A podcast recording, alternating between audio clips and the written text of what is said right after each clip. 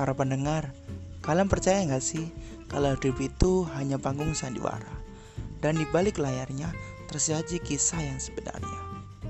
Balik layar.